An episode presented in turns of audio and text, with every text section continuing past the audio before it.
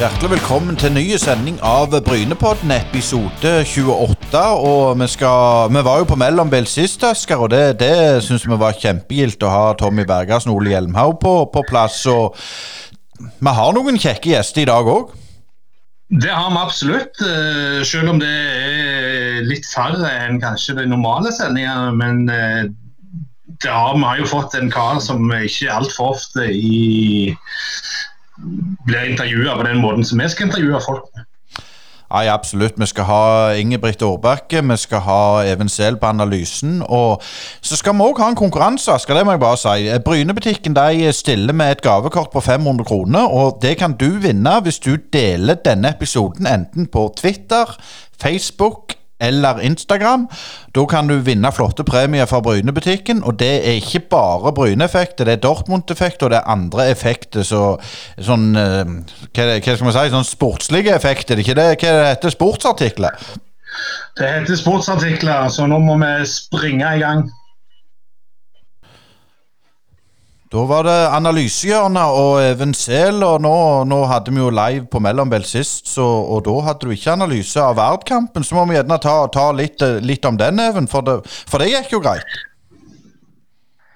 Ja, det gikk jo veldig en eh, deilig sliteseier, det. Det var veldig viktig å få tre poeng i den kampen der. Så det, det vi sitter igjen med, det var jo vanskelige forhold. Det var jo mye vind. Det var blaut bane som gjorde det vanskelig å føre ball. Så vi fikk ikke spillet vårt helt til å sitte. Det var noen spillere som ikke gjerne kom til helt sin rette på sånne forhold. Men vi tar med oss en del positivt, og det er at vi er solide bakover. Nå holder vi nullen igjen, så tre av de fire siste kampene vi holdt nullen. Og Det er viktig å være trygge og, og solide defensivt, og det er vi.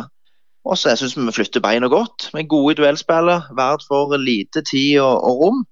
Og Da hadde vi veldig fokus på Roy Miljeteig og Erling Myklebust, to gode spillere på hver. At eh, de ikke skulle få lov til å, å, få mye tid og rom, for da er de gode. Så det var vi godt fornøyde med. Så det var, var mye positivt å ta, ta med seg, det syns vi. Og så igjen, det blir litt vanskelig med forhold. Vi ønsker jo å søke litt bakrom, men der enten forsvinner ballen ut, eller så stopper den litt opp i vinden. Men uh, det viktigste var jo tre poeng, og det fikk vi. og Det er vi veldig fornøyde med. Ja, det var jo stiv kuling og, og regn i, i kastet. Og det var vel sånn sett en, en rimelig dårlig fotballkamp, hvis, hvis, det er lov å si det? Ja, for nøytrale tilskuere så var det nok ikke så spennende. Men det var jo en nerve i kampen. Det sto og vippte litt der. Vi har jo noen gode muligheter. Robert er en god sjanse første omgang. Daniel Karlsbakk er en god i andre omgang på innlegg fra Oliver Hotøyhaug så har vært noen skuddforsøk, noe frispark. Klarer ikke å skape de helt store sjansene, men det sto og vippet litt der. Og Da er det deilig å få den straffen og få 1-0. Vi har jo vært gode det siste kvarteret. Spesielt har vi jo vært veldig solide og gode. Vi har skåret 13 mål det siste kvarteret. og Det liker vi å tro er et tegn at vi er godt trente. Og Det er viktig, og det er bra å skåre så mange mål mot slutten av kampene. Eh, Robert Unna gikk jo ut etter ca. 40 minutter. Eh, var det disse luskene som han sleit med, eller var det, var det andre ting taktisk? Nei, det var luskene som han sliter litt med. Så han kjente det begynner å nappe litt. Og Der har nok litt baneforhold, og det sugde jo litt krefter den eh, banen der. og Ikke helt optimalt for lusken hans. Så da, da var det å ta han ut, men han er tilbake i, i full trening nå og er klar til kampen mot Sotra. Så må vi jo eh, må slippe inn deg, Asker, snart. Men, men, vi må jo spørre eh, om det, om det var, var det straffespark. Så Daniel var jo klokkeklar på at det var det, men når du ser det, var det greit å blåse? Ja, nå er ikke vi heller den beste vinkelen live, og heller ikke i ettertid når kameraet er motsatt der. Men det, jeg tror absolutt dommeren har grunn til å blåse. En er klønete av verdensspilleren. Kommer inn og tar Daniel. som mener helt sikkert Verd at de syns det var billig. Men så kan vi huske tilbake fra kampen på Haugesund stadion og Verd fikk et veldig billig uh, straffespark mot oss. Så de jevner seg gjerne litt ut, da. Ja, Even, eh, hvis vi skal si at Vard er nå eh, glemt eller over i historiebøkene, så må vi jo øve litt eh, hva dere har hatt i friuka og Hvordan har dere brukt det? Ei uke sist så hadde vi, trente vi mandag, tirsdag, onsdag, torsdag. Fikk fire gode økter der med bra kvalitet og bra trøkk. Og så tok vi fri fredag, lørdag, søndag. Da fikk vi koble litt av, komme litt vekk fra hverandre, få litt uh, overskudd og energi. Det tror vi er viktig.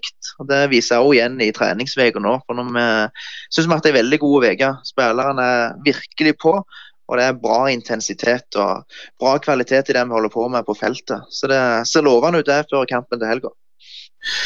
Eh, Asker Eik eh, spilte uavgjort i Høljeregnet på, på Sandnes eh, stadion, så Ulf sin, sin bane. Jeg går ut ifra du så den kampen. Hvordan var det resultatet for dere? Nei, vi må jo si at det var greit. Da ble det jo litt mindre poeng delt ut. og Det betyr jo at vi trenger ett poeng for å klare et opprykk. Så det må vi jo si var greit. Så Det var en interessant kamp å se på det. det bølga litt fram og tilbake. Asker hadde jo helt klart de største sjansene på, på slutten der og følte nok at de burde vunnet den kampen der. Vi husker jo med gru den der eh, vannpolokampen mot, mot Fløy tidligere. og Hvordan, hvordan ser stadionet på Bryne ut nå før eh, kampen til helga? Den syns vi ser eh, bra ut. Han er jo naturlig nok litt blau til noen eh, plasser, for det har jo regna godt i det siste. Men han tar godt unna for, eh, for regnet, så det er absolutt spillbare forhold. Og nå er de forhåpentligvis så kommer det ikke altfor mye regn inn mot kampen på lørdag, sånn at banen skal bli, bli bra, den. Så vi skal iallfall spille på Bryne stadion, det er ikke tvil om. Eh, Sotra eh, spilte jo eh, mot Vard i helga som var, og, de har jo ikke akkurat hatt strålende, et strålende sluttspill. Men, men, hva forventer du av dem nå fram mot helga? Nei, som du sier, så er de ikke i, i toppform de siste kampene. De har jo vel fem tap på rad nå. Men Sotra er et lag som varierer veldig prestasjonene. De har et uh, veldig høyt toppnivå. Er jo veldig spillende lag.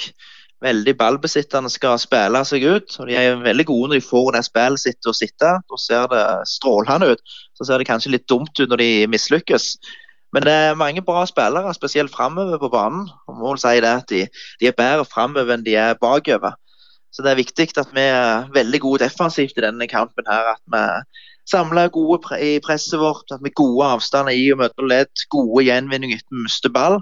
Og at vi da er aggressive og gode, for da kan vi få mange gunstige kontringsmuligheter, tror vi.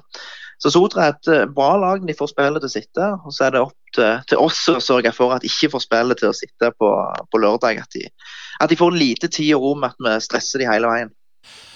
Så du var inne på Even, er ett poeng nok. og Går dere for alle tre, eller, eller kommer dere til å være litt kompakte og forsiktige og, og, og, og ta muligheten når de kommer? Nei, Vi må gå for alle tre poengene. Det ligger jo naturlig for oss at vi skal ut på banen for å, for å vinne kampen og utnytte svakheten til, til, Sotra. Så vi skal absolutt eh, gi alt for å få tre poeng. Så satser vi på at det blir det, at vi har en ledelse mot slutten av kampen. Men er det uavgjort, så sier jo seg selv at vi får med corner på slutten, så trenger vi ikke hive fram Igor hvis det er uavgjort. Det går an å bruke hodet òg. Ja, det det hørtes ikke betryggende ut, Even. men, men hvordan, hvordan, hvordan, har det vært inn mot kampen? Er, er det, er, merker dere spillere og trenere at dette er litt spesielt? Ja, vi merker jo litt at det er en uh, viktig kamp. Og at hvis vi klarer å, å, gjøre det godt og gjøre jobben vår, så betyr det litt i andre enden. Så Det merker vi jo. Vi merker jo at folk er veldig interessert og at folk uh, bryr seg. Og det er jo veldig kjekt at det er sånn. Utover det, er alle friske og raske, eller, eller er det noen som, som har, har, holdt på seg tok en joggetur og så de har strekt seg litt på og sånne ting i disse to ukene? Nei, Det ser helt så godt ut. Nå var vi faktisk 22 utespillere på trening på mandag. Det er veldig bra. Alle mann, alle på feltet. Og Da måtte det jo vel gjerne skje noe, da, når alle var på feltet. Så Andreas Dybevik fikk seg en smell i ankelen. Uh, blir bedre dag for dag, så vi håper at han blir klar til kamp på lørdag. Men det er ikke sikkert. Det må vi bare ta en vurdering på inn mot matchen. Men ellers skal alle være friske og raske. Så det er en eh, slagkraftig, god tropp vi har å velge i denne gangen òg.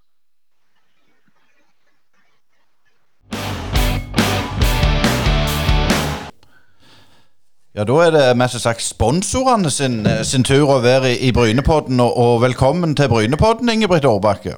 Tusen takk.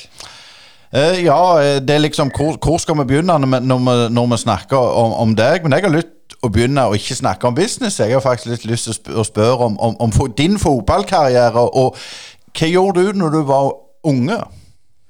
Ja, Da var det spennende fotball hver dag på Løkka. og endelig så jobbet jeg litt for far og pakket hestesko, og seinere begynte å lokke litt. Og så var det alltid i Etter vi var ferdig å jobbe, så var det på ned til Kjelvo til farfar.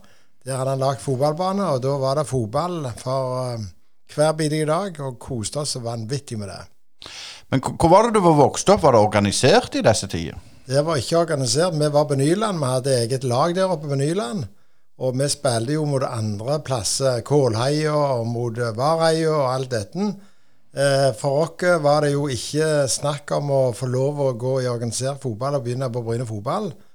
Det var liksom I den tida var det synd, og vi gikk på Saron og mor og far, og det var sånn at vi skulle spille for oss sjøl. Ja, Det var litt sånn i de tidene at enten var du på en måte på, på idrettshuset, eller så var du på, på bedehuset. Var det sånn det var? Det var helst sånn det var, ja. Det var ikke alle som gjorde det, men uh, det var nok foreldrene som styrte det. Så du var snill gutt i den gangen og hørte på hva mor og far sa? Jeg var alltid gilde og gjorde det mor og far sa. Men sånn eh, likevel, i, i ungdomstida, var, var, var, var det fotball, eller var det andre ting? Det var fotball, og så var det en del litt vannski, og kos med båt og vannski. Det er alltid. Og i tillegg så var det litt aktivitet og turer, men, men, mest fotball, uten tvil. Ja, jeg vet ikke hva du sier, Asker. Eh, vannski?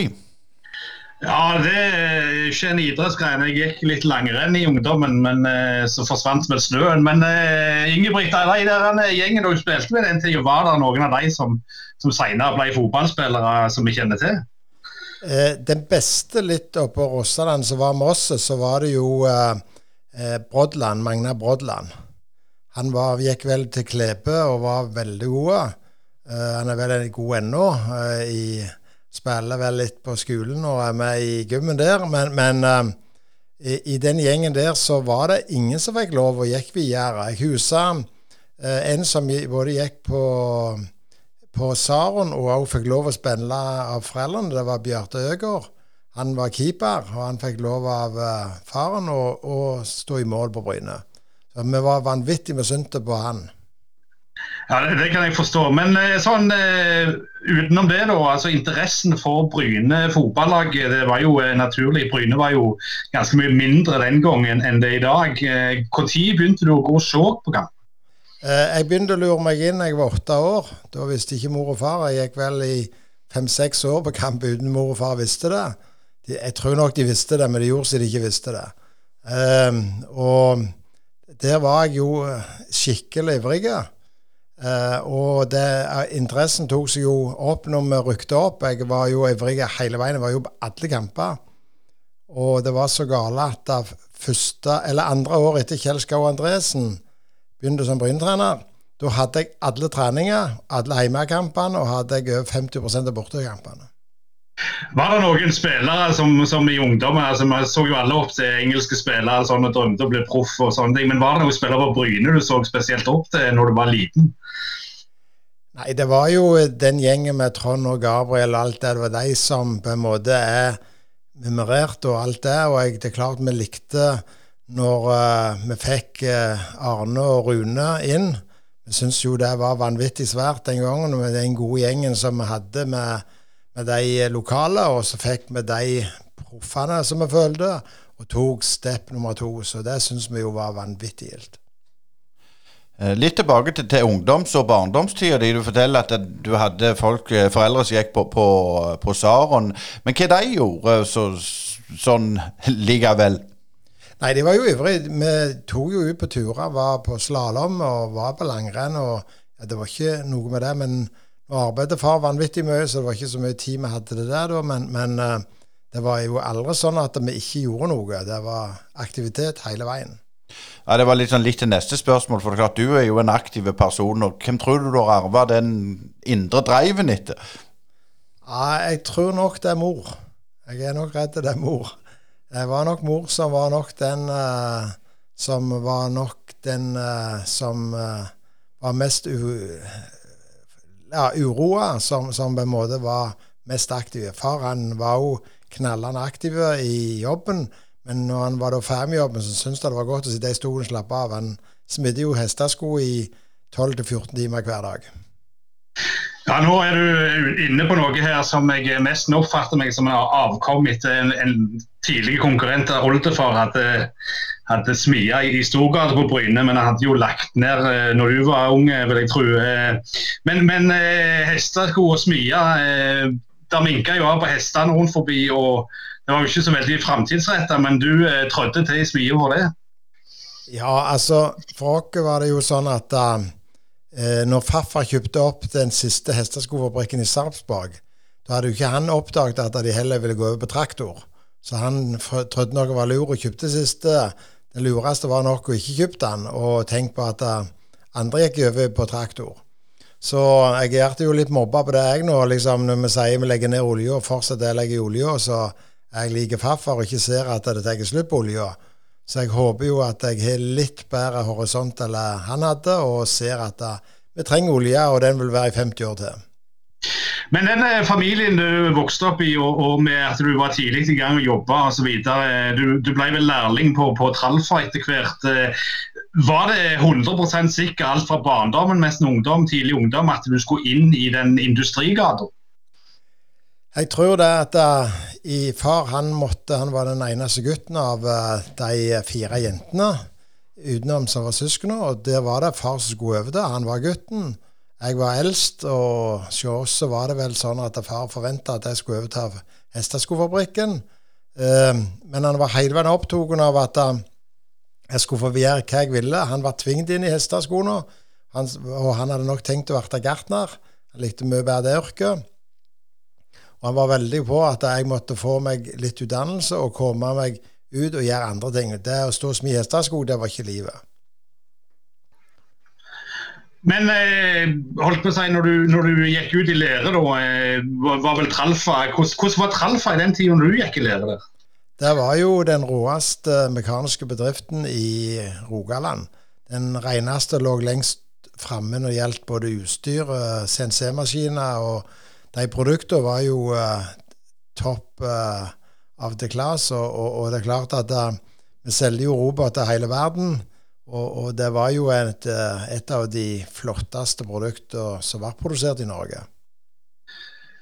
Og Hva lærte du i de, den der læretida på, på Tralfa som du tok med deg tilbake til smia? Det var, det var særs to ting. Det var ene det var det med renhet og nøyaktighet. Det å være der. Og at vi på Jæren vi kunne konkurrere hvor vi ville i verden. For vi hadde den kompetansen som var helt enorme. Så det å ha god kunnskap og ha gode kollegaer, så kunne du på en måte være med og konkurrere med hva du ville. For vi lå langt framme og var interessert i å ta fornye deg og, og ta, lære av hverandre. Eh, hvis du ser litt på, på, på, de bedriftene som var på Jæren i den tida, så er det jo ikke eh, altså Du nevner, nevner Tralf, og du kan nevne Brøyt, og du kan nevne mange som ikke er der i dag. Hvordan ser du, Har du tenkt noe over det? Ja, det er klart at det, det er klart alle de som starta opp der, de starta jo med tomme hender og bygde opp et fantastisk produksjonsmiljø i Rogaland. Og det er klart at hvis du ser på hele eh, de avkommene som kommer etter det, det er ikke få. For det er klart at det er mange som jobbet i disse bedriftene, har også starta sine egne butikker. I tillegg så har de eh, ansatte der gitt videre inn i olje mange. Mange i nye, etablerte bransjer. Så det er klart at den kunnskapen som var skapt i de der 50 åra så de var vanvittig aktive, den har mange dreid nytte av. Har du òg dreid nytte av den? Vanvittig. Så det er klart at det, og, og særs det der med å kunne få hjelp av hverandre. For det at eh, alle tror liksom mange at du snakker om eh, om det var et trall for robot. Ja, de var vanvittig gode, men de hadde aldri vært så gode hvis de ikke hadde hatt alle de gode leverandørene inn til seg. Altså, de var gode på der som de måtte være best, eh, på spisskompetansen. De trenger mange andre tjenester, så er de jo helt avhengig av å lage et knallgodt produkt. Men litt tilbake til, til, til, dine hestesko, skulle jeg til å si. Eh, Vi har jo hørt om begynnelsen, men jeg tenker litt på den, den interessen for Bryne hadde du hele veien. Men, men, det å gå inn som sponsor, det er jo en, en, en stor barriere for en bedrift når, når du var, var, var, ny. Ja, det er klart at uh, når jeg starta 81, så begynte jeg jo uh, i 1. juli. Og i august så skrev jeg første sponsorkontrakt med Bryne. Og det var viktig. Og jeg uh, var jo en ivrig patriot, og da hadde jeg ikke så mye penger Uh, til Putin. Og i begynnelsen så var jeg nok Jeg må bare avbryte. Husker du hvor mye det var den gang? Jeg tror den første summen jeg betalte, var 40 000. Og I den tida ganske mye. Og jeg fikk eh, Det som var viktig, jeg, jeg skulle eh, få være med på turer og få lov å være med i miljøet, for det var vanvittig viktig at jeg skulle få nye bransjer, kunne få lære av de gode som gikk i det miljøet, uh, som det er en dag i dag. Det er på en måte å, å ikke bare møte opp, men også å lære av de fantastiske kollegaene som vi møtte hver tur vi var på. Ja, 81 begynner jo å bli en stund siden, men eh, hvem var det som var nestorene i Bryne-miljøet den gang, når du fikk duppa teten inn i klubben din? Nei, det er klart Blokk Vatne var jo hovedsponsor den gangen. Eh, og med, det var jo eh, fra Bryne Mekanikk og Tralfa, det var jo mange Kverneland og alt. Så det var jo Jærbedriftene og mye Litt av disse samme butikkene, store butikkene, var jo med. Og i tillegg så var det jo litt Det var busselskapet. Det hette ikke Haga den gangen. Det hette Sola, tror jeg. Sola eh, buss, eller Sola Ruten, eller noe. Eh, så, så, det var jo um, litt forskjellige, men det var enormt lærerikt. For det var patriotismen som sto i høgsetet. Var vanvittig glad i klubben. og, og det var vanvittig mange som sponsa, ikke bare med hodet, men de sponsa mye med hjertet. Vi må jo si det til de unge som hører på, at eh, hvis den gamle Blokk Vatne-logoen minner jo mistenkelig om den som Wulfs spiller med i dag. Men, men eh, Blokk Vatne det var jo en skikkelig stor bedrift på den tida, eh, var ikke det? Ja, de var jo det. De var jo landets største på husbygging. Og det er klart, Hetlandshus eh, kom jo eh, tett på. De var jo sponsorer. Men ikke i den grad som, som Blokk Vatne var. Men de fikk jo en vanvittig god reklame. Men nå må vi litt, litt tilbake til business. altså 81, Da begynner jo olja å, feste grepet rundt regionen. altså Kondip, eh, begynner å sprette opp i Ottervågen, og, og folk eh, venner seg litt mer til at olja har kommet for å bli iallfall ei, ei god tid. Når var det du ble liksom fanget inn i den oljeoppturen? Første gang jeg hadde en oljejobb, det var i 1983. Da var det for et firma som heter Norsi. Eh, en som heter Henki Henriksen, kom, uh, ringte til meg om vi kunne lage en stor uh, pakning. Uh, 21,3 hvert. og jeg sa ja, selvfølgelig. Jeg visste ikke liksom hva jeg sa ja til. Han sa liksom om jeg kunne regne disse vinklene og få dette til, til å bli en tett pakning. Så sa jeg hvis du har tegning eller en del, så skal jeg måle den opp, og så skal jeg lage en like. Uh, han tok med seg en brent uh, klump uh, den gangen, skar ut ei plate, og den la han i baki en sånn gammel folkevogn, det er det lange. Uh, når han kom ut til meg, så var det brennemerke i teppet, for han hadde ikke tid å vente til du skulle vært kald. Jeg målte opp, hadde fikk med en lik del, og målte opp og lagde den, og leverte den ut på Ekofisk. og hvor lenge han sto. Han holdt iallfall titt, og, og stempla han inn med et nummer som han hadde gitt meg. og Om det stemte, det ante ikke jeg. Så, så, det var første eh, jobben. Og, og når jeg lå, gjorde den jobben, så var jeg i tvil om jeg skulle eh, ta han eller ikke, for at jeg hadde i grunnen fullt. Så, så hadde jeg jo hørt rykter at det var godt betalt. Og så tenkte jeg at jeg får prøve meg. Jeg tar en månedslønn, og så legger jeg på den ene første jobben. Og hvis jeg får den, så skal jeg stå i helg. Og så ga jeg en månedslønn, og så fikk jeg den. Og da fant jeg ut at hvis det var såpass enkelt å prise inn i olja, så det må jeg gå litt mer over der. Og Da var det enormt viktig for meg at når vi begynte å gå inn i oljeindustrien, så var det ikke sånn at jeg kuttet ut de jeg hadde. Da vokste jeg heller og bevarte den gode kundemassen som vi hadde. For olja har alltid litt opp og ned. Og det var vi glade for, for det var ikke alltid like det var liksom, Nå sier de at det går så opp og ned. Det gjorde de den tida òg. Sånn at det var enormt viktig at du hadde de faste kundene. Så var landbruk. Det var både Kverneland, Tralfa, Bryne Mekanikk og Særigstad. Litt brøyt den tida òg. Så det var Brødrene Moi. Så det var mye kjente, gode jærbedrifter som vi jobbet for. Men de som ser deg omtalt i, i, pressen i dag, ser jo svære fabrikkhaller og sånn, men eh, det var ikke så mange i Årbakke-konsernet den gangen? Nei, eh, første år var menn, og så andre år to, og tre år fire, og så seks, åtte, ti. Ansatte hvert år og kjøpte en ny maskin hvert år. Sånn at det var Så jeg kjøpte vel eh, til vi var oppe i 60 maskiner. Da var på toppen. Da, så det ble jo investert vanvittig mye hele veien.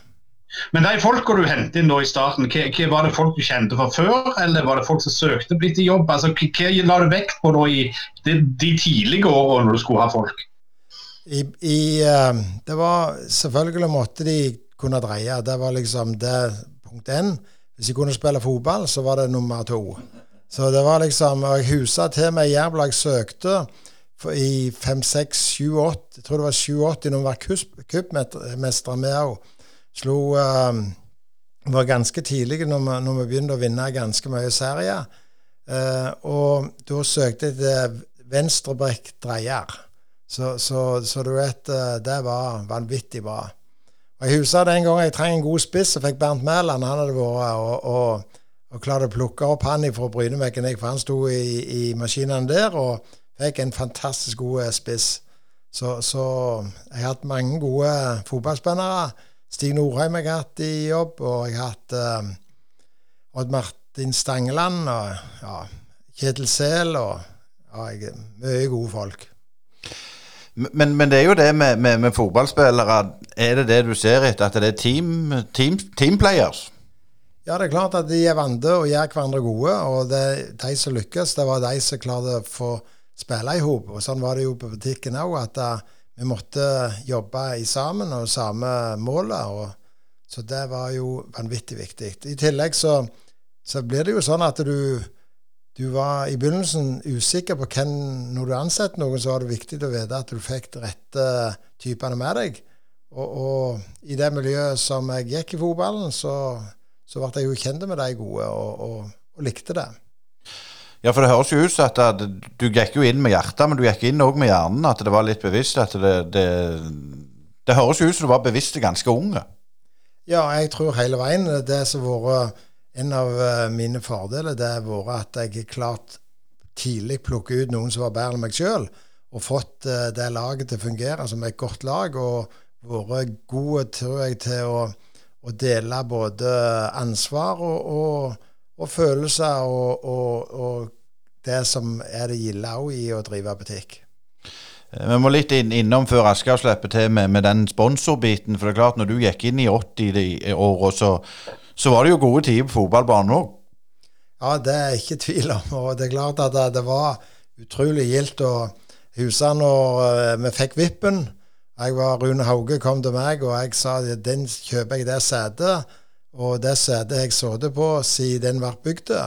Og jeg hadde, var første som tok ut seteplassen, og, og, kjøpte den. Jeg sa jeg kan kjøpe den for evig. Og, og, så den stolen den sitter jeg på hver gang jeg er der.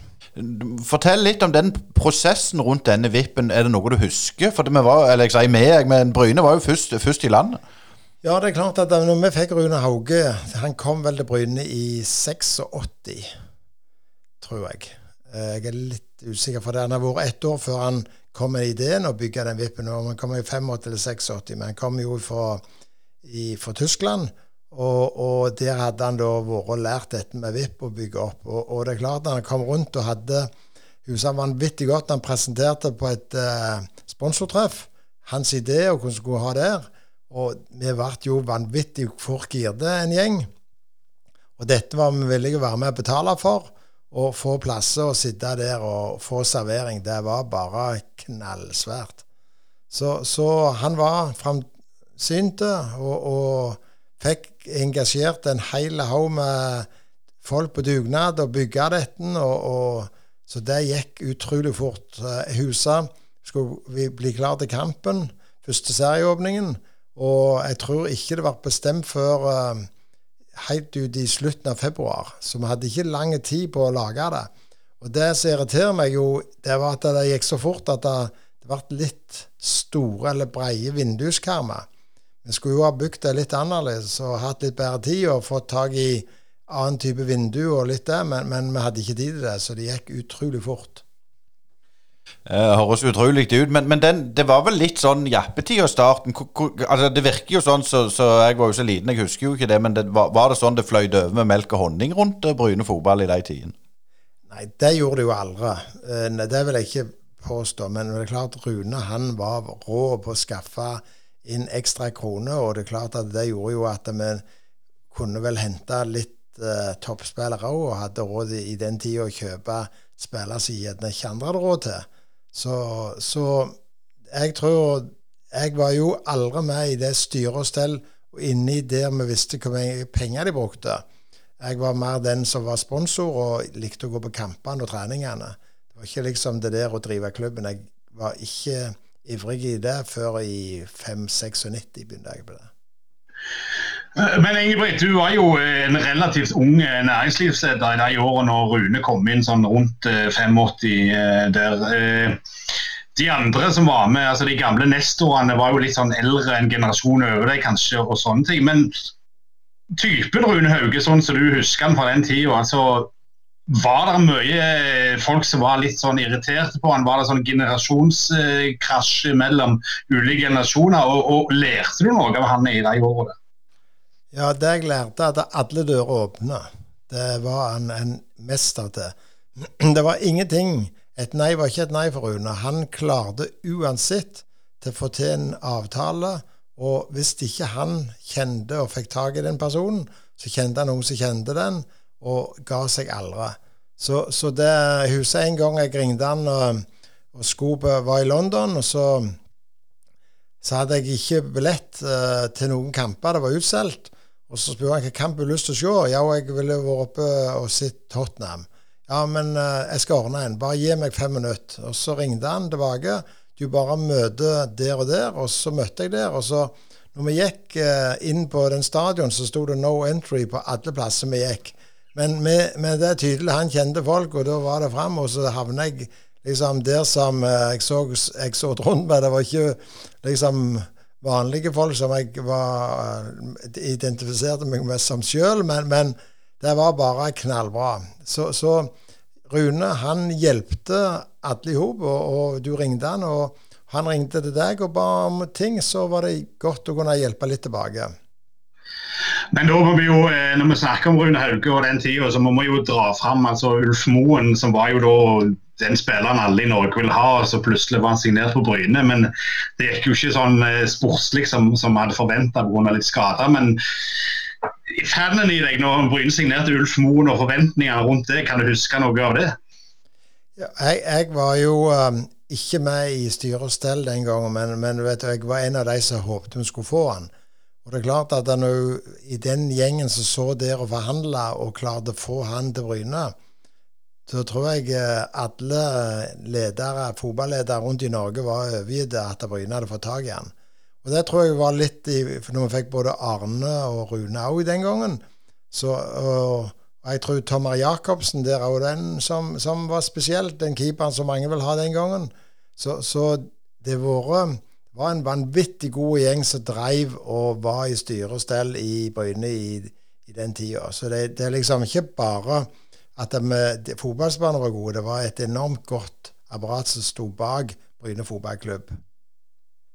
Vi skal snart bevege oss ut av 80-tallet, men jeg må jo mest spørre deg, altså, for din del, hva er det som er størst, cupfinaleseieren eller, eller sølvet i 1980? Det er cupfinalen. Du hadde jo en liten røverhistorie der, den syns jeg du må få, få, ta. Ja, det var sånn at da når vi skulle spille semifinale oppe i Trondheim, så var det ikke lett å komme seg opp der. Og så var det jo utsolgt oppe på den stadion. Det var 17 100 tilskuere på den kampen.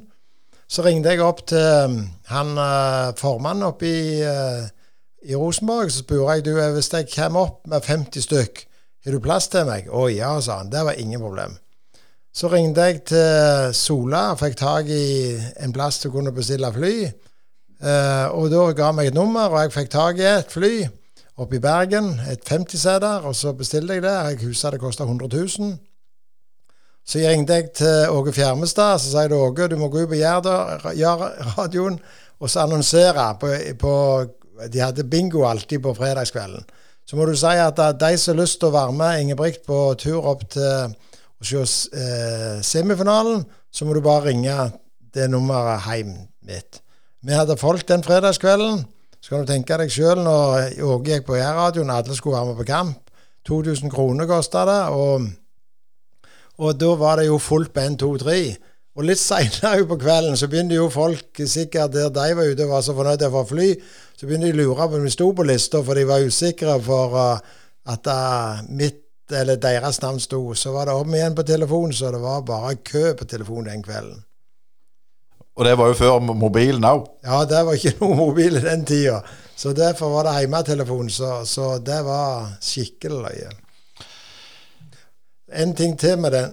Så det var kjempe. Så kommer vi opp, og hvor skulle vi sitte? For jeg var jo ikke 50. Han sa jeg hadde snakket med, han hadde jo ikke, han trodde jo ikke jeg kom opp med 50 stykk. Så jeg sier nå er de 50 kommende, hvor skal vi sitte? Og da gikk vi inn på indre bane. Uh, og se, så hadde de noen benker som de hadde sett framfor noen skilte, reklameskiltene. Så satte de oss på indre bane midt på midten og der så vi. Og det var på én betingelse, at vi så helt rolig. Uh, og det sa vi, det lovte jeg, det skulle vi gjøre. Og jeg passet på alle, jeg som var reiseleder. Uh, og den tida der, jeg hadde ikke smakt en prikk alkohol, så jeg tror det var kun jeg som var edru på den turen. Og da var det sånn at jeg skulle passe på de 49 andre. Og der så de. Første omgang var det ikke så vanskelig, for der var vi ganske skuffa. Og de sang, og de uh, ja, pipte litt på oss og syntes dette var løye. De 17 000. Og vi gikk ut i pausen og, og kjøpte noen pølser og det, gikk inn og satte oss igjen. Og det er klart at da når det første, vi skåret det første målet, da måtte jeg ut og springe og hente halvparten, og så få det inn igjen. Få de på benken, for de skulle ut og klappe på Jan Madsen og hele greia. 2-2, enda verre, og 3-3 da Nei, når de gikk opp i 3-2 da var det spinngale, og du vet, vakter og alt for å få det tilbake og sitte ned. Det var mest umulig. Og så var det sånn at i den tida når vi skulle fyke hjem, så måtte vi lande før klokka tolv på Sola. Det var ikke fly i flytårnet. Og Derfor var det viktig for meg å få det i bussen og komme meg av gårde, sånn at vi kunne fyke hjem og lande. Og så kan du tenke deg når vi hadde vunnet, og jeg skulle ut inn i bussen, og der mens jeg henta noen nye, så sprang andre ut. Så vi, det, så, det gikk over en time ekstra å få de inn i bussen. De var jo spinngalne. Så, så det var bare kjempegildt.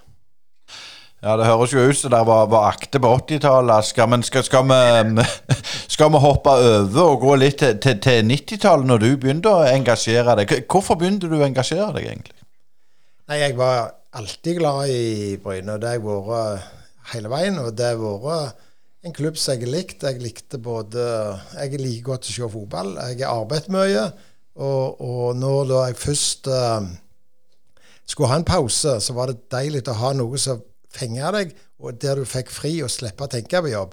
Du går på fotballbanen, så er det liksom ja, nesten aldri noe annet enn som opptar deg, den fotballen. Det er bare fantastisk. Eh, jeg tenkte òg litt på Nå husker ikke jeg det Du var jo litt med i Rossaland, vet jeg. Leder en periode på midten av 90-tallet. Men um, når begynte du å, å, å, bli medlem i Bryne sånn, sånn aktivt? Nei, Jeg ble jo tidlig medlem. Det var jeg hele veien. Men, men Rossaland så var det jo sånn at Rossaland sin eh, økonomi var ikke den beste i den tida jeg gikk inn. Og så var det sånn at jeg trente ungene mine. De hadde vi på laget der. Jeg var trener sjøl. Så i den tida på Rossland så gikk det mest på rundgang. Det var liksom hvem er formann nå, og, få det. Og så var det sånn at jeg syntes det var viktig. Det var rett på sida av fabrikken, og det var en god eh, klubb som drev godt med unger, og det var en, en god gjeng som var der. Så sa jeg jeg kan godt være med og, og være formann et år. Og så måtte jeg jo gå til alle mine kunder så, nei, alle mine leverandører som leverte Dårbakk, og så sier nå må du være sponsor for å måtte rette opp økonomien, for det var underskudd. Så fikk vi overskudd, og så var jeg ferdig det året. Så, så, Så det var liksom et eh, litt uh, opprydningsår. Og jeg brukte både uh, Årbakk og pluss uh, en haug av mine gode leverandører som var med og sponsa og fikk snu den klubben. Men når du kommer på, på innsida av Bryne, altså du går fra å være fan og, og sponsor til å liksom begynne å se litt hva som foregår i, innenfor i korridorene. Hvordan var den overgangen, syns du? Nei, jeg, jeg, trodde jo det var liksom Det var en mye mer eh, en kompisgjeng som var, var, Men det var jo som å komme til hvem som helst. Det var akkurat vanlige folk som, eh, som oss sjøl. Så, så, jeg trodde liksom Det der er spesielt å komme inn der. der de er litt helt spesielle, men de fant jo ut de var akkurat like som alle. Sånn at det liksom opp gjennom i tida, både når jeg drev business og alt dette, så er det av og til du har enorm respekt for mange ting du både kom inn til både nye kunder og nye marked, eller samme hva du er, at det er så vanskelig å få tillit eller komme seg inn og føle seg hjemme. Men, men i klubben, først da jeg kom inn, så var det føle meg hjemme med en gang. Og ja, mye knallgode folk. Men, men også, eh, parallelt så skjer det jo en, en, del endringer med bedrifter. De begynner jo å vokse og, og ta av. og, og gamle firmaer som har vært knytta til Jæren, sånn som Brøyt, begynner jo å forsvinne fra hverdagen. Altså, hvordan opplevde du den der overgangen der fra å vokse sjøl og se at andre bedrifter forsvant, som var liksom skikkelig sånn jærlabel, hvis du kan si sånn som Brøyt f.eks.? Nei, det, det, er klart at sånn som Brøyt det var enormt trist. Men, men, men, det er klart at nå i ettertid, når jeg ser på den utviklingen som olja hadde, og så øyla hele krona, kronekursen, som gjorde at svenske kroner ble bare så billige. Så det er ikke løye at vi på en måte fikk 30% høyere kostnivå i Norge enn i Sverige, bare pga. at vi ble et så rikt land med den olja. Så, så, da ser jeg den fordelen som vi har akkurat nå i Årbakke, der krona er så svak, der jeg har 20-30% bedre priser enn våre konkurrenter. Så, så, liksom det er bare, Du klarer bare ikke å bli så effektiv på 1, 2, 3. Så, så når du ser eh, for i den uh, markedet som olja gjorde, så, var det ikke lett for den jærindustrien som drev utenom olja. Eh, du så ABB. Det for de lyktes, det var at de var gode, fikk med seg ABB eh, i Sverige og klarte å få den hydrauliske roboten over til elektrisk med at de hadde kommet, fått et forsprang og, og, og slapp å utvikle alt på Bryne. Men sånn for din egen del, hva slags, hva slags, plan hadde du med vekst for bedriften? Altså, var, var det noe baktanker der, eller bare følte du vokste litt med oppdragene? Ja, det var det siste. Jeg, min plan når jeg begynte for meg sjøl, skulle jeg ha en dreiebenk, og skulle jeg ha nok til å livnære meg sjøl. Jeg skulle bare være aleine. Så ble det en til, og så ble det en til, og så har det bare balla på seg. Øystein? Ja, Det høres jo veldig lett ut at du sier det sånn, Ingebrigt. Det, det, er mye hardt arbeid og, og, sånn som ligger bak. Men, men det som jeg har lyst til å komme inn på, det er det med, med, med, med de ti i Bryne. For det er klart, sånn som Rune Hauge var jo kalt litt kontroversielle. Uh, du òg er jo en duer. Uh, der er, altså, der, er, der er liksom på en måte ikke magemål. Du bare durer på og sier 'dette fikser vi'. Du, og på Jæren så kan jo det virke litt sånn uh, at du er litt høy på deg sjøl, hvis du skjønner. Har du, har du merka det noe når, når du har lykkes? Janteloven? Nei, det er, det er sikkert noen som mener det, men, men jeg har ikke følt det sånn sjøl. Jeg føler jeg har vært raus hele veien. Jeg var opptatt av eh, barne- og ungdomsarbeid hele livet. Hadde gode år på, på Saren og var med der i ungdomsarbeid. Var med i kor og jubel, var med i fotballen. Har vært med litt aktiv på, på, flere ting. Sånn at eh, jeg føler liksom Jeg har prøvd å gitt av meg sjøl og gitt av firmaet, og, og, jeg har gjort det jeg syns har vært bra. Jeg har kjørt uh, gjerne for mange mye for fine biler, har for store motorer og alt dette. Jeg har aldri brutt meg. Jeg har gjort det som jeg mente var jeg hadde lyst til sjøl. Og, og, sånn har jeg gjort det, og, og står for det jeg gjør, uansett. Jeg er mer opptatt av at en måte ikke lage et glansbilde sånn som ikke er. Jeg liker store motorer på biler, store motorer på båt, og jeg liker fotball. Eh, Ja, når du er inne på båt, du, du har jo kjørt litt sånn for, eh, Nå heter det ikke hva det heter engang, eh, formel på, på vannet. Fortell litt om det. Hvordan kom det i gang? For det er jo liksom ikke helt A4 på Jæren, det heller. Det er ikke så mye vann. Nei, jeg har alltid likt å kjøre båt. Og det er klart sånn så Tarl Gudmestad og meg, han kjøpte første eh, båt og motor når vi var 17 år. Så, så var det jo for å få den båten til planer fòres og gå fòres, og sånn har det vært hele veien. Helt til eh, jeg fikk min første hydrolift med Aslak Olseth. Så jeg lurte meg, eller ikke lurte meg, det ble feil å si. Eh, jeg kjøpte en skikkelig flott eh, 23-foter Uh, hydrolift med innbordsmotor, og den var liksom første som begynte å nærme seg 60 knop. Og, og det var jo fantastisk å endelig fly på sjøen. Uh, og så ble det sånn at da jeg eh, reiste jo til Arendal og så på disse nærene som kjørte Formel 1, og syntes det var vanvittig tøft. Så fikk jeg en telefon. Jeg ble litt kjent og gikk jo det i depotet og kikket, og det var det Jørn Tandberg som kjørte den norske båten, og hadde eh, en sånn en eh, tanke om å, å lage et godt team i 2007 for på en måte å, å konkurrere litt med de Dubai-folka. Og så ringte han meg og spurte om jeg kunne være med og sponse på dette og være med. Så sa jeg ja, det kan jeg, men jeg må få prøve en sånn båt da. Og så sa han ja, greit, jeg kan ta den på lastebilen, så kommer jeg til Gansfjorden, og så tar jeg meg en tur inn i Gansfjorden. Kjørte litt der, og jeg syntes dette var det, og jeg sa hele veien 'gi gass, gi gass', det gikk jo aldri fort nok. Eh, Den gikk jo opp i 300, så da det, gikk det jo litt fort, og, og, og jeg syntes dette var kjempegildt. Og så da spurte han om jeg kunne tenke meg å sitte og styre hvis han kjørte. Uh, og det kunne jeg jo tenke meg. Og da måtte jeg da være med og ta For å kjøre så måtte jeg jo på fullt sertifikat og dukking og unna og velte til, til Nesoddtangen og i det der en eh, eh, Selve den der flytesten, eller den dukkertesten du må ta. og Det var jo bånn gass å få sertifikat og begynne å kjøre. og Kjørte to løp i, i 2007, og så 2008 hadde kjørt hele sesongen, og det ble europamestere. og Skulle, skulle ha kommet på tredjeplass i, i VM, men så mista vi propellen i siste, siste runden i Dubai. Eh, da, jeg, vi hadde glemt å sette på ei ekstra skrue, sånn at eh, kontramutteren, sånn at da skrudde seg ut, og mista den. Så fikk vi femteplass. Men eh, sånn motor, eh, du nevnte du, du er glad i det. altså sånn Formel 1 og den slags, er du opptatt av sånt òg? Og har du reist og sett noe på det? Ja, jeg har nok vært på en ti løp iallfall.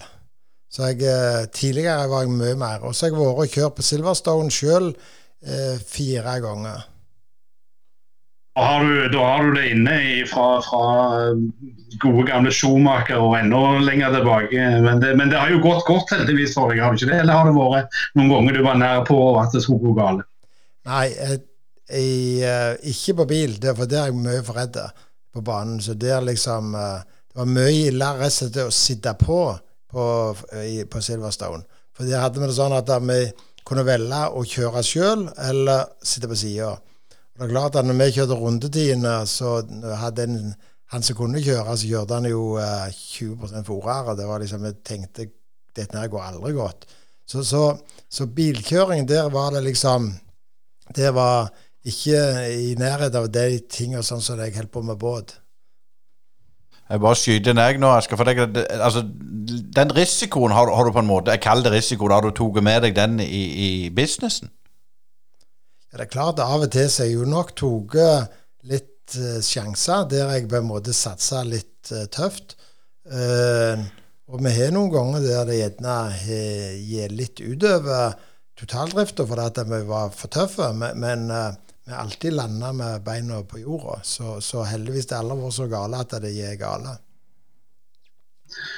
Men nå må vi litt tilbake til Bryne igjen. altså Når du er innenfor dørene. Og, og Bryne har jo eh, holdt på å si, De rykte jo ned fra det som var førstedivisjon, altså tippeligaen i dag. og Det var jo et mål eh, utover 90-tallet at Bryne skulle tilbake igjen eh, blant toppen. Men eh, det lyktes ikke, selv om det så godt ut mange ganger.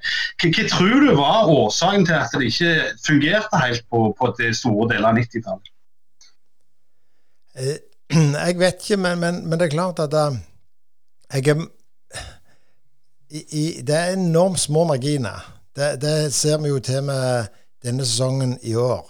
Altså, eh, Hvis du da får stong ut, ei type som var oppe i, i Haugesund, der vi får et uh, rødt kort og plutselig snur og alt dette Vi var et klart best. Og, og der dommeren på en måte gjerne drar det røde kortet, der han kan ta det og ikke kan. Du kan diskutere det. Så snur resultatet, og plutselig er det andre som får da den der ekstra impulsen, og så, så, havner du liksom nummer to og tre. Så går det ikke den gangen heller. Så, så, det, jeg, så tror jeg òg det går gjerne type spillere som vi hadde, som gjerne ikke var tøffe nok i hodet. Vi hadde manglende der siste at de, de, var ikke De var ikke tøffe nok til å sette det knallharde målet. Vi skal vinne. Vi, vi har hatt typene, men vi hadde for mange der vi var litt for svake i hodet, vil jeg min påstå. Det var ikke at de ikke kunne spille fotball, men psykisk. De tålte ikke presset. Men, allikevel, du som har uh, fulgt med i, årevis. altså Når Bryne rykket opp igjen, så, så var det jo Eh, for, for, oss som så, så hadde sitt Bryne i tidlig 80-tall, så var det jo et håp om at de skulle liksom bli et sånn solid lag, iallfall sånn midten av tabellen pluss. Eh, men, men, det ble liksom de årene, følte jeg, i hovedsak kamp for å overleve hvert år. Hvordan så du på de årene der når de var tilbake igjen? Nei, det er klart, det er klart at det, det, er sånn eh, Jeg syns jo en stund det var for mye svensker. Og det var fordi at jeg husker når de skulle spille en utsatt uh, kvalikkamp der de måtte betale en for en kontrakten gikk ut på mandag og kampen gikk på søndagen. Det er klart at Når du ikke har hjertet der, og, og det vil jeg påstå vi som uh, Alle vi tre som sitter her i studio, vet hva det betyr å ha en jobb og en plass du vil gi alt for. Og, og der tror jeg det ikke var i Bryne. Jeg tror vi hadde en gjeng som ville gi alt for Bryne. Så hadde en annen gjeng som var mer opptatt av å se når lønningsposen kom, og, og de fikk, hadde forholdsvis gode kontrakter i Bryne en stund eh, i forhold til den eh, lille plassen vi var.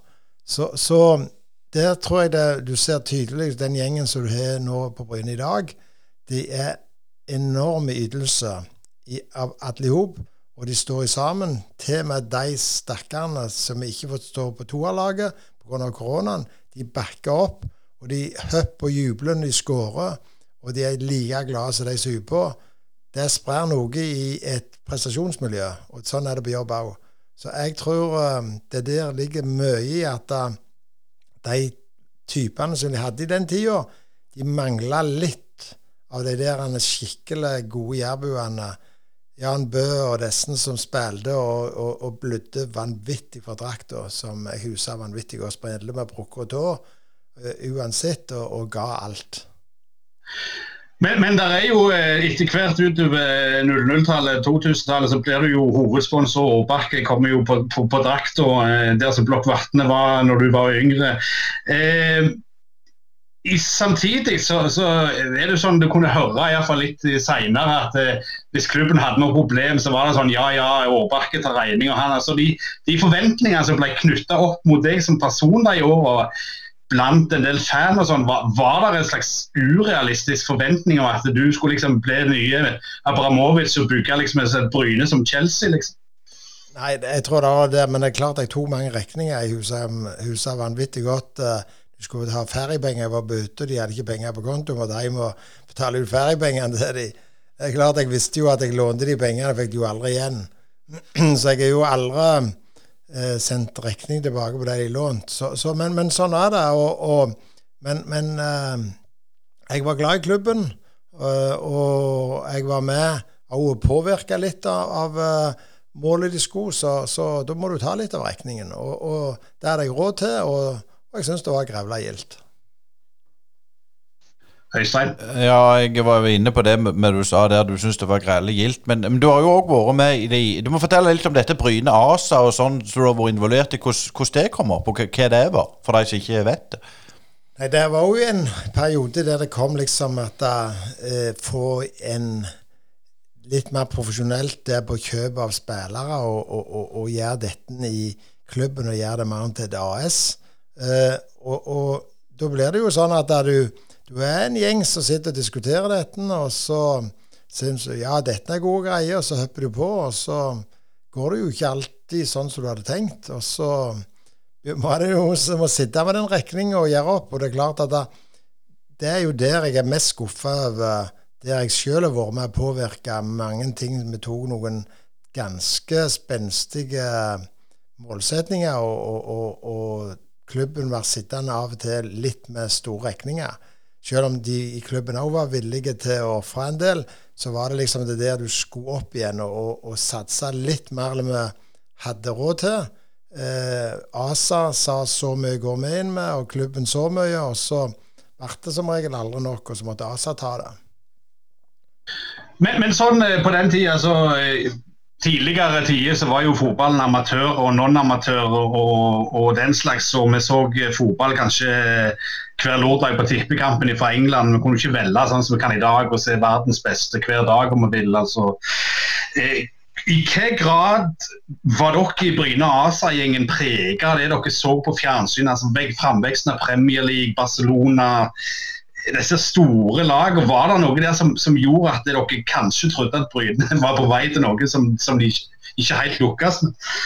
Nei, jeg var, jeg var, ikke med det. Jeg vil mer påstå det var i når de var oppe i eliten første gangen, ikke i, i 2000. Da var det mer å kave og klare å komme tilbake til eliten.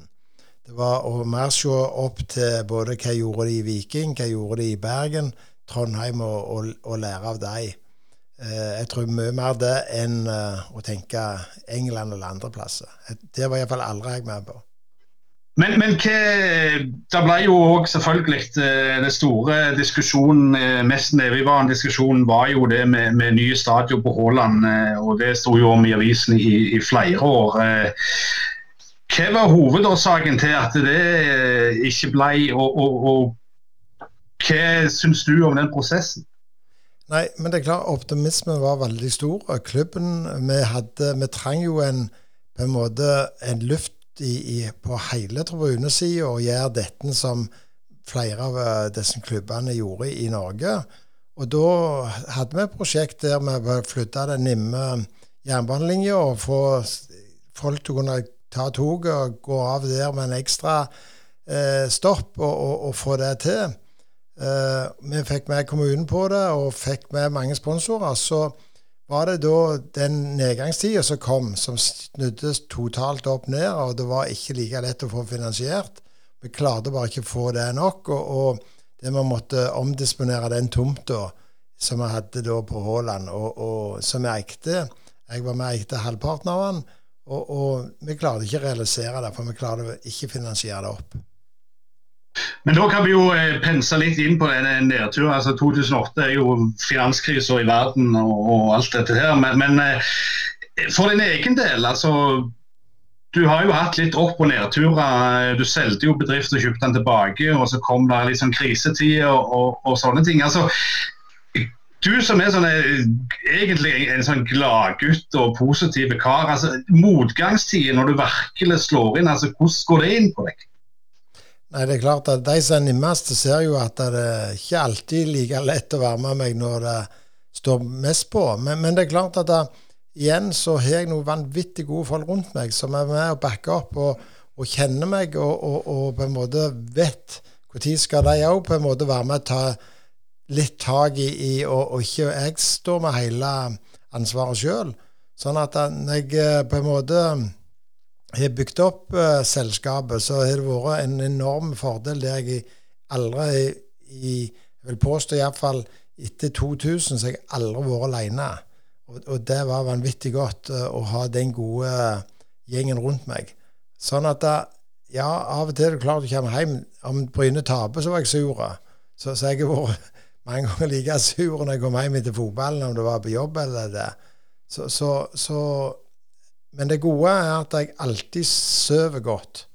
Der jeg hadde en god evne. Selv aldri så tøft, så trenger jeg søvn. Sover, så tar jeg problemet når jeg våkner igjen. Eh, for det som du sier med, med, med stadion og, og, og, sånn, det, det, er klart du, du, er, du, er, jo en profilert person. Og, og jeg sier, spiller litt høyt. og det er det jeg sier, Når du får de litt som jeg var inne på, på, på Du merker ikke noe på Eller sånn, for å si det sånn, du merker vel hvem som er dine venner når dere bytter imot. For det er jo mange som vil være kompis med deg når det går godt. Ja, men jeg syns det er vanvittig mange som er knallgode når det går ringt òg. Det, det, er jeg enormt uh, stolt over, og det har jeg lagt merke med. Både når det gjelder de folka på jobb, og òg kompiser. Så, så, så der tror jeg er god Hvis vi bare er åpne og, og tårer vise at vi ikke det går så godt, så, så, tror jeg folk er mye mer ydmyke. Men så noen mener jo av og til du skjuler litt for lenge. Men, men, men um, til de rette på jobben, så tror jeg vi har vært hele veien enige om når er det godt, og når er det dårlig. Når det gjelder det vi snakker om nå, føler du at du har endra deg til eldre du har blitt, på en måte? Det er klart at jeg, jeg tar nok uh, Jeg kommer aldri til å tro at alt går opp igjen lenger. Jeg er bomsikker på at ting går ned igjen. Sånn at uh, jeg tar alltid forhåndsregler at det neste år kan være dårligere. Jeg vet neste år eh, I år får vi det beste året vi noen gang har hatt i Årbakke. Vi passerer en milliard i denne måneden. Uh, og vi kommer til å neste år få et mye dårligere år. For at vi vet mange av de store prosjektene både i Brasil og nede i, i Asia de er utsatt et år pga. koronaen. Og det vet jeg. Men det, den situasjonen den er vi helt klar for. For at da, nå har vi penger til det. Vi har samla opp. Vi vet hva vi trenger. Og, og de ansatte er med og drar oss gjennom dette. Vi vet vi har gjort det før og vet hva vi skal gjøre, og, og, og dette løser vi. Og vi er helt sikre på at vi er, skal være den som takler det best. Det er vårt mål. Ja, Asgeir. Det er en kar som ikke gir seg, dette her, virker det som. Ja, du vet Med bakgrunn fra Saron så kjenner han jo den der han historien om de, de magre kuene og de feite kuene. altså De feite kuene og de sju, sju magre kuene. Så gode og dårlige år. og Det er jo klart eh, imponerende så Ingebrigt har, har eh, overlevd alle disse opp- og nedturene. Men jeg har lyst til å spørre litt, Ingebrigt, apropos nedturer. altså hvordan var det når Bryne rykte ned i, på nivå tre? Altså, det var jo fælt for alle, men du som hadde vært så tungt inne i så mange år. Altså, hvordan, hvordan, følte du den kvelden? for å si det sånn? Nei, det var jo sånn at uh, vi håpte jo helt til siste slutt. Uh, og det er klart at det, når vi ser på uh, den, den, den, sesongen, hadde vi da, vil jeg påstå, sitt alvor og, og tok det inn over seg tidligere, så hadde vi ikke røkt ned. Eh, og sånn blir det liksom på jobb òg. Og, og, og, der tror jeg vi i bedriftene er heldige, for vi har en helt annen eh, en helt annen administrasjon rundt, og, en, en, og noen som har vært lenge, sånn at du vet hvordan du skal takle opp og ned. I fotballen der byter du på styreformen, du byter på daglige ledere, du byter hele veien så er ikke den der kontinuiteten tvers igjennom. Sånn at klubben De som var i klubben, visste ikke alt hva de skulle gjøre. Jeg vil ikke påstå liksom hvem er feilen. Det er vi medlemmer med hele klubben som må bygge en struktur som gjør at vi kan tåle opp- og nedturer. Og der har vi ikke vært like gode i disse tøffe tidene. Der var de knallgode i 80-åra og 90. De var, de var lenge styreformene, de var lenge daglige ledere og dreiv drev vanvittig godt. Men, men eh, etterpå, altså den, eh, Det gikk én sesong, gikk to sesonger, og, og, folk var litt utålmodige, spesielt i fjor når det var en periode den, ja, Jeg kjente jo lukta av tredjedivisjon og kamper mot Nærbø Varhaug og sånn. Så, som sponsor og som medlem kontra fans og sånn, altså er vi litt for utålmodige når det kommer til fotball. Jeg tror at vi skal klare at det er quick fix, at vi bare vi får nok penger eller nok spillere, og sånn, så går alt til himmels med en gang. Altså, hvordan, hvordan, ser du på den forskjellen? Altså, forventninger rundt fotball kontra forventninger til seg til bedrifter? Nei, jeg, jeg, tror fotballen må komme derhen der du på en måte må ikke glemme hva som er viktigst, det er medlemmene. Eh, sponsorene det er noe som skal til for å ta et litt høyere skritt. Jeg tror det er vanvittig viktig at vi skaper en kultur. Jeg vil påstå at sånn som de har gjort hele veien Nå ser du på Nærbø i håndballen. Det har ingenting med penger å gjøre. Det er å skape en vinnerkultur, en gjeng, og bygge stein på stein. Og ha tålmodighet og tro på det. nå er det litt sånn i håndballen at du ikke er like lett å bli plukket hvis du er god, sånn som i fotballen. Så klart det, De talentene vi har fått, så klart at det, det er jo fantastisk det vi ser, det kullet som Alf Ingve har vært med og bygd opp. Det er jeg jo enormt stolt over. Men, men tingen er det at vi må lære at vi må bare bruke penger på det hele veien. For det dukker opp hele veien gode talenter hvis vi er villige å bruke en del av de kronene vi har, til å drive barn- og ungdomsarbeid. Og der tror jeg mye av de sponsorene det som vi òg har, at de er enormt opptatt av klubben. Jeg tror ikke det er bare de som går inn, er bare fordi Bryne spiller i første eller andre divisjon. Jeg tror det er, det er nettverket å skape de relasjonene og, og kose deg med å finne nye kunder og, og, og leverandører. Ja, jeg har jo òg vært en del av det sponsornettverket til Bryne, og det, det, er veldig godt. Det er det ingen tvil om. Men, men, nå skal jo jeg stille litt sånn kritiske spørsmål. Jeg følte liksom Aske, at det var jeg som var den drittsekken som skulle stille alle de dumme spørsmålene til Ingebrigt. Men, men, men, du har jo vært med i, i, i um, valgkomiteen, og der du har på en måte fått inn en del folk. Um, er det dine folk du får inn? Nei, i valgkomiteen har vi vært en kjempegod gjeng. Vi bytta hele veien. Det kommer inn nye impulser hele veien.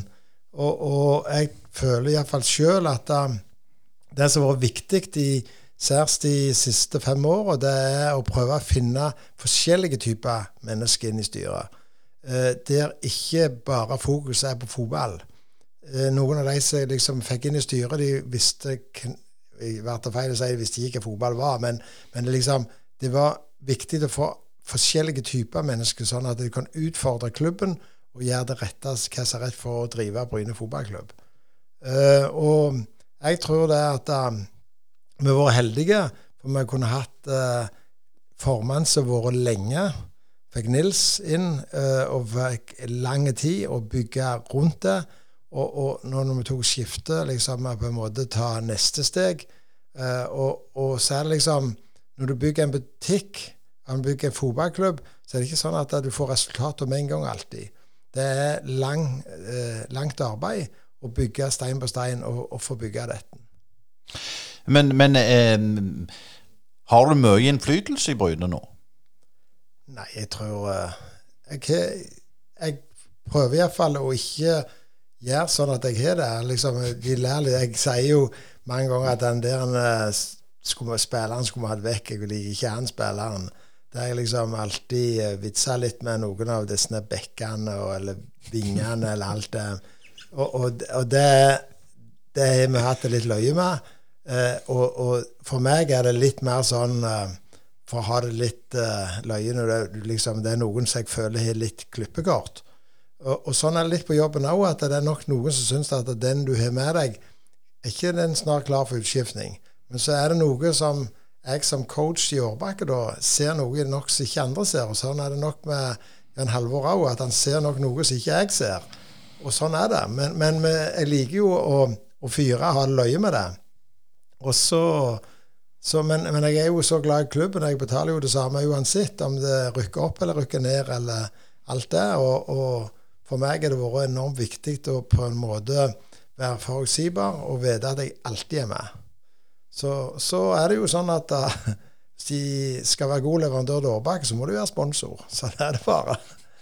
Så, så Asker, vi, vi, må, vi, må rett og slett handle noe av Årbakke vi skal få med, med oss på laget?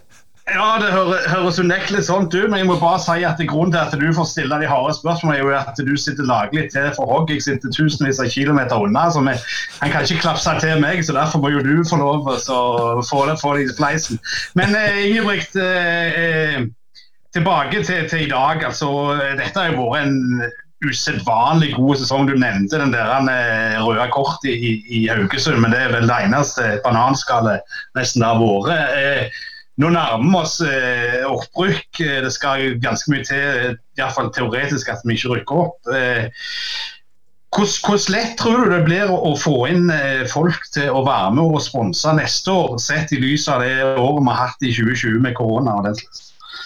Nei, jeg, eh, jeg tror eh, det viktigste det er liksom å bygge et, et budsjett som gjør at vi kan tåle uansett om vi er koronalei. Og, og så må vi legge eh, slagplanen klar for det. For det er klart at vi på Jæren bør ha mer forutsett enn mange andre plasser rundt i landet der de har hatt mye mer påvirkning av covid-19. Hvis vi ser at alle de klubbene i Oslo, så ser vi at der har de virkelig forrøynt seg. Og så er det sånn at um, jeg tror um, uansett når du rykker opp, så får du noen ekstra kroner uansett. Og, og hvis vi klarer det, uh, å bygge det vi har i dag, med litt til Og det er litt til, det får jeg bare ordne sjøl, hvis det ikke andre. Så, så, så er det i mål. Og så, så, så blir dette bare grevla bra. Men, men 39 eh, år som, som sponsor, og eh, kom der som en ung eh, leder for, for en liten bedrift. Eh, når du er på disse sponsortreffene, eh, ser du noen unge i dag som, som, du kjenner litt igjen, som minner litt om den unge Aabak?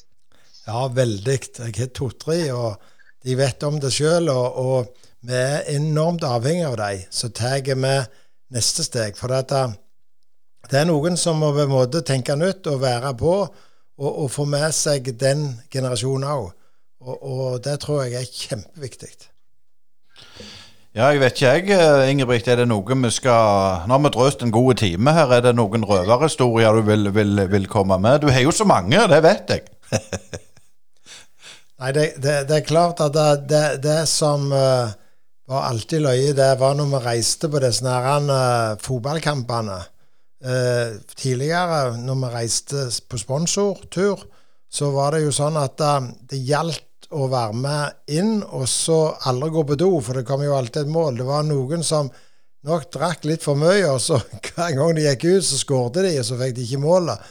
Så reiste vi jo av og til veldig langt, og, og klart når du ikke får se mål, og, og de skårer to mål, og begge ganger ute og pisser, så, så klart da får de mye tyn. Og, og, og de personene liker vi jo å fyre opp på sponsortreffer. Men vi må ta litt videre med, med tanke på, på Årbakke. Hvilke planene er videre nå mm, for din del, og skal du bare peise på? Du fulgte vel 60 nå i, i, i år eller i fjor, eller? Ja, altså, jeg uh, har ei unge kone, så jeg, uh, jeg, ser for at jeg kan være aktiv lenge til. Og, og jeg syns det er vanvittig gildt. Og jeg har noen vanvittig gode folk. Og det er klart at det, uh, hvor lenge jeg skal sitte i uh, førerstolen, det, det får tida vise. Men, men uh, om jeg ikke sitter der, så vet jeg mange andre gilde ting jeg skal holde på med. Sånn at da, da tenker jeg i forhold til Årbakk og Årbakk Innovation. Så de to selskapene der, de gjør det vanvittig godt. Har mye gildt på gang. Og nå har jeg fått med meg eh, Trond Jacobsen i, på laget, så er det vanvittig gildt. Han òg liker fotball. Han liker United, jeg liker Leeds. Jeg får to opprykk i år, så det er jo fantastisk. Han får ikke det, da. Så, men, men, men jeg tror det at Årbakk sammen med alle de andre lokale gode bedriftene, de får uh, mange gode år. Eh, helt til, til, til, slutt der, jeg føler jo at du er ganske ydmyk, og, og er du det? Ja, det tror jeg. Jeg, jeg, jeg tror det. Jeg, eh, jeg, er stolt over det jeg har med meg, og det vi har vært med skapt. Og, og, og, og, jeg er så glad i klubben, sånn at da, neste år da er vi blant de seks i, i, i førstedivisjon. Men nå er det jo kamp på, lørdag, og den skal vi jo selvfølgelig se. Eh, går det? Garantert. Da er vi Altså, nå Asker han er så langt vekke, men, men uh, vi skal vel si hvor Da må vi vel Da får vi lov å ta en fest. Ja. Med en meter, da, vel å merke. Ja, jeg er klar for det. Så jeg skal feire uansett, så, så det er jeg klar til. Ja, det var utrolig kjekt å ha, ha Ingebrigt med oss. Asker, jeg vet ikke om du har noe du, uh, du vil si helt på, på tampen? Nei, Jeg òg syns det har vært fascinerende å snakke med deg, Ingebrigt, og, og få høre eh, både hist og her. Det er selvfølgelig tid til å snakke i tre år til her, men eh, jeg tror vi må runde av så vi ikke plager disse herrene eh, skeptikerne rundt forbi de tusen hjemme. Tusen takk for at du stilte opp i Brynepodden, Ingebrigt. Takk. Det var det vi hadde rett og slett på Brynepoddene for denne gang. Og det er jo litt kjekt at, at Bryne de vinner. Og, og jeg skulle til å si Alf Inge Haaland han skårer mål i Dortmund. Det var vel helst Erling som skårer, for Alf var jo ikke, var jo ikke kjent for den som skårte så mye, Asgeir. Jo, han er jo, han jo skåret noen mål, men eh, Eh, den gang, eneste gangen jeg så han live, da ble han eh, rundspilt i Manchester. Men det, han har jo, har bidratt en del opp gjennom, han òg. Eh, men uh, uansett, uh, to interessante gjester. Altså en, en, en, vanlig gjest, en gjenganger og en, en ny. Ja, det var utrolig kjekt å høre Ingebrigt sin, sin historie. Både opp- og nedturer med seg både fotballen og, og, businessen. Og jeg må jo si at jeg var overraska. Han, han var ganske åpen med oss. Ja, det syns jeg absolutt han var. Og, og det er jo en, en mann som er, er, kjent over hele Bryne og, og, har bygd seg opp fra hestesko til, til, stor bedrift. Og jeg syns det var litt eh, artig at han nevnte at han òg så noe av seg sjøl igjen på de unge som, som møtes rundt eh, klubben i dag. Absolutt, og han har jo et hjerte for klubben. og Jeg var jo litt, syns jo jeg var litt løyen da jeg spurte om, om, om han tar mye plass og, og styrer på i klubben. Men, men, men vi trenger gjerne sånne som så, så, så, stikker seg litt fram og, og, og framsnakker klubben. Jeg vet ikke hva, Du òg er jo vant med sånn formålt i jærbu og helst sitter i en krok og, og ikke sier så mye. Men trenger vi sånne? Formelt, eller de som sier noe? De som sier noe. Altså, jeg tror jo, jeg mener jo det er to typer jærbuer. Det er de som sitter stilt og ikke sier så mye, og så er det de som snakker hele veien. Eh, jeg syns Ingebrigt er sånn litt midt imellom. Eh, han handler ikke alltid i åpent lende eh, og gjør litt ting i kulissene som er veldig bra. Så syns jeg òg det var fascinerende å, å, høre litt på om hva som skjedde med med den og en ting som jeg har lurt på siden jeg var journalist før, hva som egentlig gikk galt der. og de traff jo rett og slett eh, dårlige økonomiske tider, og, og, ting begynte å endre seg rundt i verden. og, og Sånn er det. Men, men, det er ikke sikkert det hadde vært bedre for det om at Bryne hadde havna på Haaland. Men eh, Ingebrigt har mange planer i det, altså, så vi vet ikke hvordan han kommer tilbake eventuelt senere til noe greier. Nei, men han, han, gir seg ikke så lett, han. Og det er nye planer under den paraplyen til Ingebrigt, er jeg helt sikker på. Eh, og vi har òg en konkurranse. Brynebutikken.no stiller med et gavekort på 500 kroner. Det må vi jo eh, si, og da er det bare å dele denne episoden enten på Facebook, Twitter eller Instagram. og så kan du vinne de 500, og det skal vi dele ut. Og så, og så er det jo det viktigste, det er det som skjer på lørdag mot uh, Sotra. Da blir det muligens opprykk. Tror du vi, vi, vi, klarer å få et poeng der? Jeg tror vi klarer å få eh, tre poeng. Jeg, jeg tror, tror, det blir eh, seier til Bryne. Heimebane en, en, vanvittig sesong med mest bare seire. og Det hadde vært klart opprykk allerede hvis det ikke hadde vært for det røde kortet i, i, og det som skjedde mot Vard eh, første gangen. Eh, så jeg tror dette går hjem. Eh, jeg spådde jo i sin tid i Jærbladet at Bryne kom til å rykke ned når de rykte ned, og skrev en artikkel om det noen runder før slutt, så nå får jeg være like tøff og spå at på lørdag så er de i havn. Da er de i havn, og så må vi bare si det. Vet du når Bryne vant en liga sist? Det var vel eh, en gang på 70-tallet, kan jeg tenke meg. Det er korrekt. Takk for du hørte på.